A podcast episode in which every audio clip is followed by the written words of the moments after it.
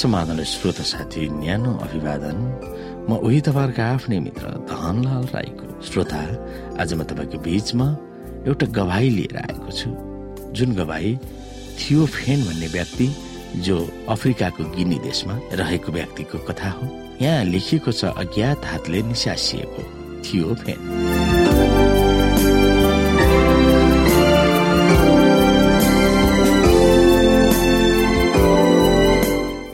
श्रोता पश्चिम अफ्रिकाको गिनी देशमा रहेको थियोफेन एक शनिबार हाई स्कुलको परीक्षा दिन तयार गर्दै थियो।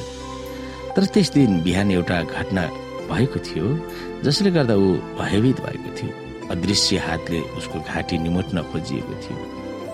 कसले गरेको उसलाई थाहा थिएन तर ऊ निसासिएको थियो र सास फेर्न सकेन। डरले थुर थुर कामेर ऊ घरतिर दगुर्यो अनि स्कुलतिर दगुर्यो। केही समयपछि उसले सास फेर्न सक्यो। र फेरि सामान्य भयो। तर त्यो केवल सुरु मात्र भएको थियो। अपेक्षा नगिरिएको बेलामा थियो फेनलाई अदृश्य हातले उसको घाँटी समातेको र उसलाई सास फेर्न मुस्किल बनाउँथ्यो। सुहा सुहा गर्दै बाहिर आएर कतै ठाउँमा सास फेर्न उसले प्रयास गर्थ्यो। उसको बुवाले उसलाई अस्पतालमा लग्यो तर डाक्टरले उसको समस्या केही देखेन। तिमी सामान्य छौ र तिमीलाई केही पनि भएको छैन भनेर डाक्टरले सुनाए थियो फेनलाई अर्को अस्पतालमा लग्यो। र त्यहाँ पनि डाक्टरले केही समस्या भएको देखेन। तिमीमा सबै कुरा ठिक छ भनेर त्यहाँ पनि डाक्टरले भने। तर आफूलाई केही न केही भएको थियो फेनलाई थाहा थियो। समय समयमा उसलाई सास फेर्न मुस्किल हुन्थ्यो अनि उसको बुवाले उसलाई मानसिक अस्पतालमा लग्यो। त्यहाँको डाक्टरले उसलाई केही औषधि दियो। त्यो खाएपछि उसलाई अलिकति सन्चो भएको थियो। तर औषधि खायो भन्दैमा उसलाई गरिएको आक्रमण रोकिएको थिएन अनि उसले औषधि पनि खान छोड्यो। अब के गर्ने सो उनलाई थाहा भएन ऊ हताश र निराश भएको बेलामा एउटा आवाजले उसलाई भन्यो चर्चमा जाऊ। ऊ सानैदेखि हरेक आइतबार चर्चमा जान्थ्यो एक वर्ष अघि ऊ चर्चमा जान छोडेको थियो। चर्चमा जान औचित्य नभएको उसले ठान्यो। उसले सुनेको आवाजलाई व्यवस्था गर्यो र उसमाथि आक्रमण भइरहेको थियो। अनि यो आवाजले उसको दिमागमा घचघच्याइरह्यो चर्चमा जाऊ। परमेश्वरले नै उसलाई भनिरहनु भएको थियो कि भनेर थियोफेनले सोच्न थाले उसले बाइबल पढ्न थाले राति बाइबल पढेर सुतेपछि उसलाई राम्रोसँग निन्द्रा लाग्न थालेको थियो अनि आफ्नो परिवारसँग आइतबार चर्चमा जाने निदो गर्यो। त्यस बेला उसको काका घरमा पाहुना हुन आएका थिए। थियोफेनले आफ्नो समस्या उसलाई सुनाए एउटा आवाजले चर्च जाऊ भनिरहेको पनि काकालाई सुनाए थियोफेनको काका सेभेन द एडभान्टेज थिए। उनले गिनीमा ग्लोबल मिसन पाइनियरमा काम गर्दथे परमेश्वरलाई नचिन्ने मानिसलाई यसुको बारेमा सुनाउने काम ग्लोबल मिसनको स्वयंसेवकको काम थियो। आफ्नो समाज र देशमा यसुलाई विश्वास नगर्नेहरूको बीचमा रहेर सुसमाचार सुनाउने काम गर्छन्। यसुलाई विश्वास नगर्नेहरूका बीचमा थियो फेनको काका काम गर्थे।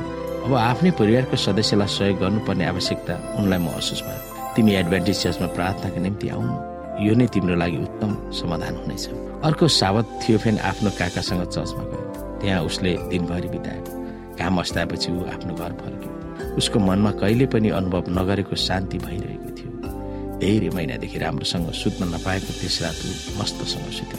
त्यसपछि प्रत्येक साबत थियोफेन चर्चमा जान थाले आइतबार र बिहिबार प्रार्थना सङ्गतिमा जान थाले त्यहाँ विश्वासीहरूले थियोफेनलाई दुष्ट आत्माबाट स्वतन्त्र पार्न यसोसँग प्रार्थना गर्दथे। समय बित्दै जाँदा उसलाई गरिने आक्रमण कम हुँदै गयो। र आखिरमा उसलाई आक्रमणै गर्न छोड्यो।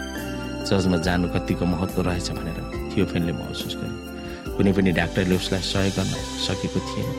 यसुले मात्र उसलाई उद्धार गर्नुहुन्छ भनेर उसले अनुभव गर्यो। उसले यसुलाई आफ्नो जीवनमा सुम्प्यो। आज ऊ सेभेन द एडभान्टेज चर्चमा सरिक भएको छ। श्रोत साथी हामी यहाँबाट बुझ्न सक्छौँ कि संसारमा हुने जुन सैद्धान्तिक आक्रमणहरू छ हाम्रो मन मस्तिष्क हाम्रो दिमाग अथवा हाम्रो आत्मालाई जुन तरिकाले सैतानले आक्रमण गर्दछ। ती आक्रमणहरूबाट बच्ने एउटै मात्र उपाय परमेश्वर अथवा चर्च हो। जब हामी पनि सताइएका खेदाइएका मानिसहरू थियौँ जब हामीले परमेश्वरलाई विश्वास गर्यौँ र ती र त्यस्ता कुराहरूबाट हामी बस्न सक्यौँ। एउटा यो थियो फेनको एउटा वास्तविक घटना र एउटा हाम्रो निम्ति एउटा पात्र हो तर हामीलाई थाहा छ संसारका शक्तिहरूले सताउँदाखेरि चर्चमा हुने आनन्दमा सरिक हुन अथवा चर्चको आनन्दले अथवा परमेश्वरबाट आउने आनन्दमा सहभागी हुन कतिको राम्रो कुरा हो। त्यो विषयमा हामी सोच्न र विचार गर्न सक्दछौँ र थियोफेनको जीवनबाट हामी हेर्न सक्छौँ कि संसारमा भएका कुनै पनि डाक्टर हस्पिटलले गर्न नसक्ने काम परमेश्वरको अनुग्रहबाट हुँदछ र परमेश्वरको अनुग्रहबाट हामीलाई शान्ति मिल्दछ भन्ने कुरा हामी बुझ्न सक्दछौँ।